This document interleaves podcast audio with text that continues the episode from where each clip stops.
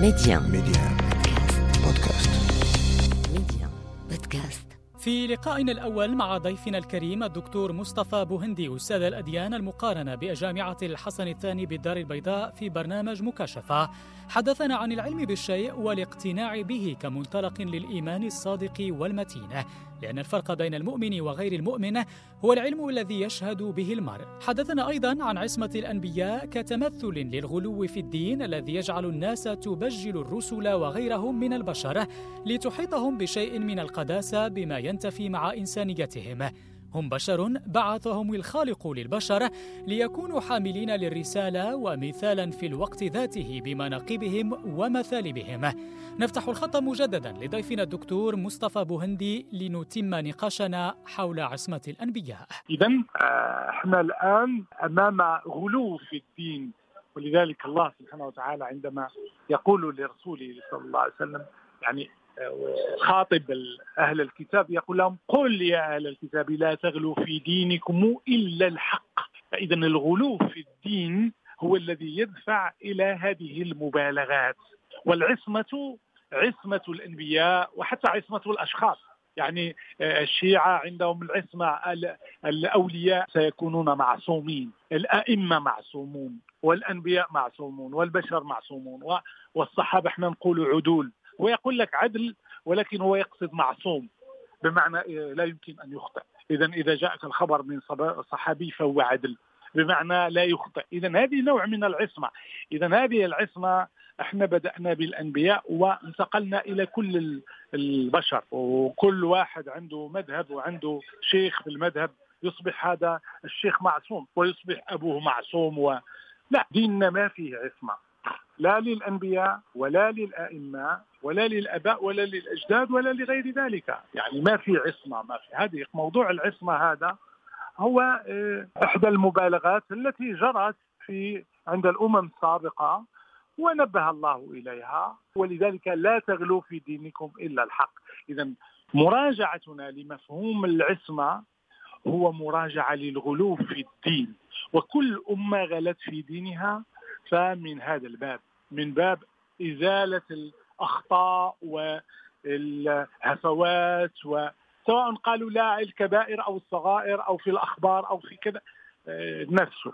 يعني أمر واحد وهو الغلو في الدين والله لا يحب الغلو. طبعا أستاذي إشارة الله عز وجل إلى هفوات الأنبياء والرسل ربما يحيل أيضا على جانبهم الإنساني. في حوار سابق جمعني وإياك تحدثنا عن سيدنا إبراهيم حينما خاطب ربه بالقول أرني كيف تحيي الموتى. بمعنى أنه على نبوته يثيره السؤال وهو السؤال الذي يعكس بالضرورة إنسانيته وشكه كإنسان كباقي البشر. نعم. يعني بسبب هذا العصمة وغيرها من هذا الفكر التمجيدي بدءا من الأنبياء إلى إلى بشر العاديين أدى إلى عدم الانتباه إلى خصائص الإنسان المعروضة في قصص الأنبياء. يعني مثلا يوسف انتبه إلى أنه له صبر له حدود في صبره ولكن لو بالغ لوقع في المحظور ولذلك طلب السجن أحب إلي مما تدعو يدعونني إليه. وإلا تصرف عني كيدهن أصب اليهم يعني هو يعرف حدود البشرية. ولذلك هو ينتبه ويتعامل مع مواضيع الحياة بهذه الحدود البشرية اللازمة. والاقتداء به يجب أن يكون من هذا الباب. إذا أردت أن تقتدي به فاعرف حدودك. إنك لا تستطيع الصبر على فتن معينة. فانتبه. ولذلك هو ينبه. عندما قال لنا فوكزه موسى فقضى عليه. قال هذا من عمل الشيطان. إنه عدو مضل مبين.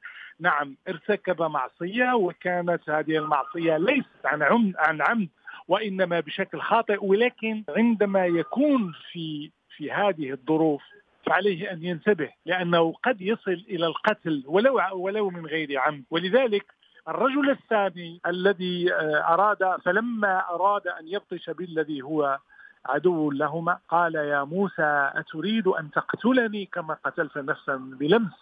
إن تريد إلا أن تكون جبارا في الأرض وما تريد أن تكون من المصلحين.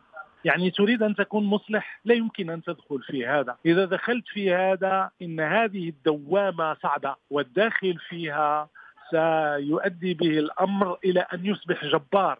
وهكذا دخل كثير من الناس لهذه الفتن وهو لا ينتبه ولا يأخذ الدروس. وعندما لا يأخذ الإنسان الدروس يقع في الجرائم وفي الأمور المختلفة لأنه بشر. وهذا هو دور الأنبياء ودور الأخطاء التي عرضت لدى الأنبياء. ولهذا كانت قصصهم عبرة عبرة بمعنى أن أخذ منها الدرس كمجتمع كإنسانية. نأخذ الدروس وأهم جوانب آه، القدوة هذه الأخطاء التي عرضت لنا لدى الأنبياء. لماذا؟ لئلا نقع في نفس الأخطاء. إذا الدروس ليست فقط الأمور الإيجابية ولكن كذلك الأمور السلبية أساسية ومهمة في أخذ الدروس بالنسبة للإنسانية. سأكون مضطرا سأكون مضطرا لمقاطعتك أستاذي الكريم، سياق سؤالي المقبل سيكون طويلا نوعا ما لكن أتمنى أن يكون جوابك قصيرا لضيق الوقت طبعا. هناك قصة معروفة للنبي عليه الصلاة والسلام مع عبد الله بن سعد بن أبي سرح وهو رجل نعم. من أهل الخليفة عثمان بن عفان ارتد عن الإسلام بعدما كان كاتبا للوحي. النبي قال لمجالسيه بعدما آه، قبل مبايعة أبي سرح على مضض آه، أما كان فيكم رجل يهم بقتل هذا بالنظر لخيانته لثقة الرسول الكريم.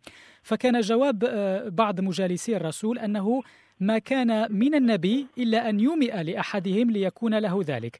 فكان جوابه أنه لا ينبغي لنبي أن تكون له خائنة الأعين. بمعنى هناك عصمة من هذا الأمر تحديدا. بالمقابل هناك قصة أخرى للنبي الكريم وهي نصحه لقوم يلقحون النخل بأن لا يفعلوا ذلك. فنقصت غلتهم. فحين ذكروا له الأمر قال إنما أنا بشر إذا أمرتكم بشيء من دينكم فخذوا به وإذا أمرتكم بشيء من رأيي فإنما أنا بشر. يعني كيف نفسر الأمرين؟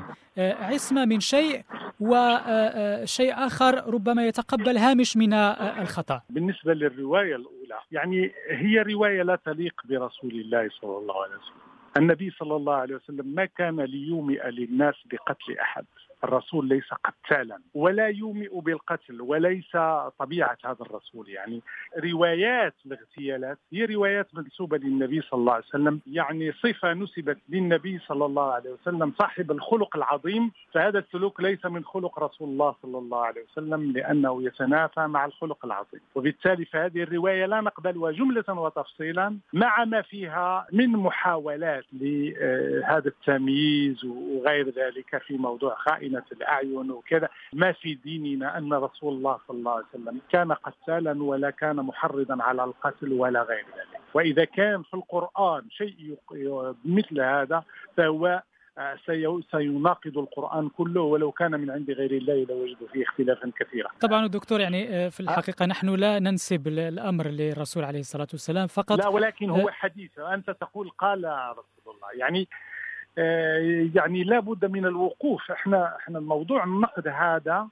هو موضوع الأصول. يعني إحنا ننقد الأصول. عندما قلنا العصمة فلماذا لما يترتب عليها وعلى القول بها من مشاكل؟ فمحاولة آه، نسبة العصمة لرسول الله بهذا الحديث أولا هذا الحديث لا يليق أن ينسب إلى رسول الله صلى الله عليه وسلم. ولا تليق العصمة التي فيه. الأمر الثاني النبي صلى الله عليه وسلم كلامه العادي هو كلام عادي.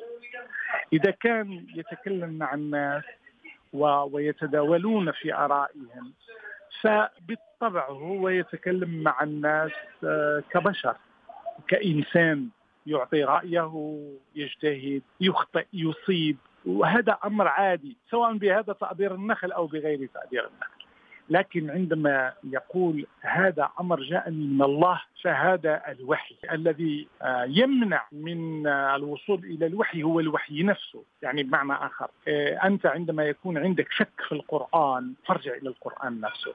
ستجد بأن هذا القرآن محفوظ قادر على أن يردك فقط بقراءته وبالنظر فيه، لكن كلام منسوب إلى النبي صلى الله عليه وسلم سواء كان قصة أو أو قولا أو هذا من كلام البشر، هو رسول الله بشر. إذا كلامه الإلهي هو القرآن النازل من السماء. وهذا النازل من السماء هو الذي لا يأتيه الباطل من بين يديه ولا من خلفه. وليس الرسول المعصوم فيه بل القرآن المعصوم فيه. إذا أحاديث هي أخبار فيها الصواب والخطأ والصحيح والضعيف والموافق للقرآن والمخالف له كذا. ولذلك فميزانها يجب أن يكون خارج القرآن وأن لا نخلط القرآن بالروايات الحديثية. فلا وجه للمقارنة بكلام الله. وهذا هو الفرق الأساسي الذي يمكن أن أقوله بين الكلام المعصوم هذا المعصوم الذي لا ياتيه الباطل من بين يديه ولا من خلفه وما بين ما ينسب إلى النبي صلى الله عليه وسلم وهو ليس معصوما والنبي صلى الله عليه وسلم نفسه ليس معصوما والأنبياء كلهم بشر مثل الناس إلا أن الله اختارهم بعلم ليحملوا رسالته النازلة من السماء. وليس لشيء آخر. الأستاذ مصطفى بوهندي أستاذ الأديان المقارنة بجامعة الحسن الثاني بالدار البيضاء ممتنون لكم لوقتكم ولكل هذه التوضيحات وشكرا مجددا على قبول دعوتنا سيدي الفاضل. بارك الله فيك. هذا اذا مستمعينا نعود ونلقاكم الأسبوع المقبل في حلقة جديدة من برنامج مكاشفة مع موضوع جديد. Medi1 Medi1 بودكاست Medi1 بودكاست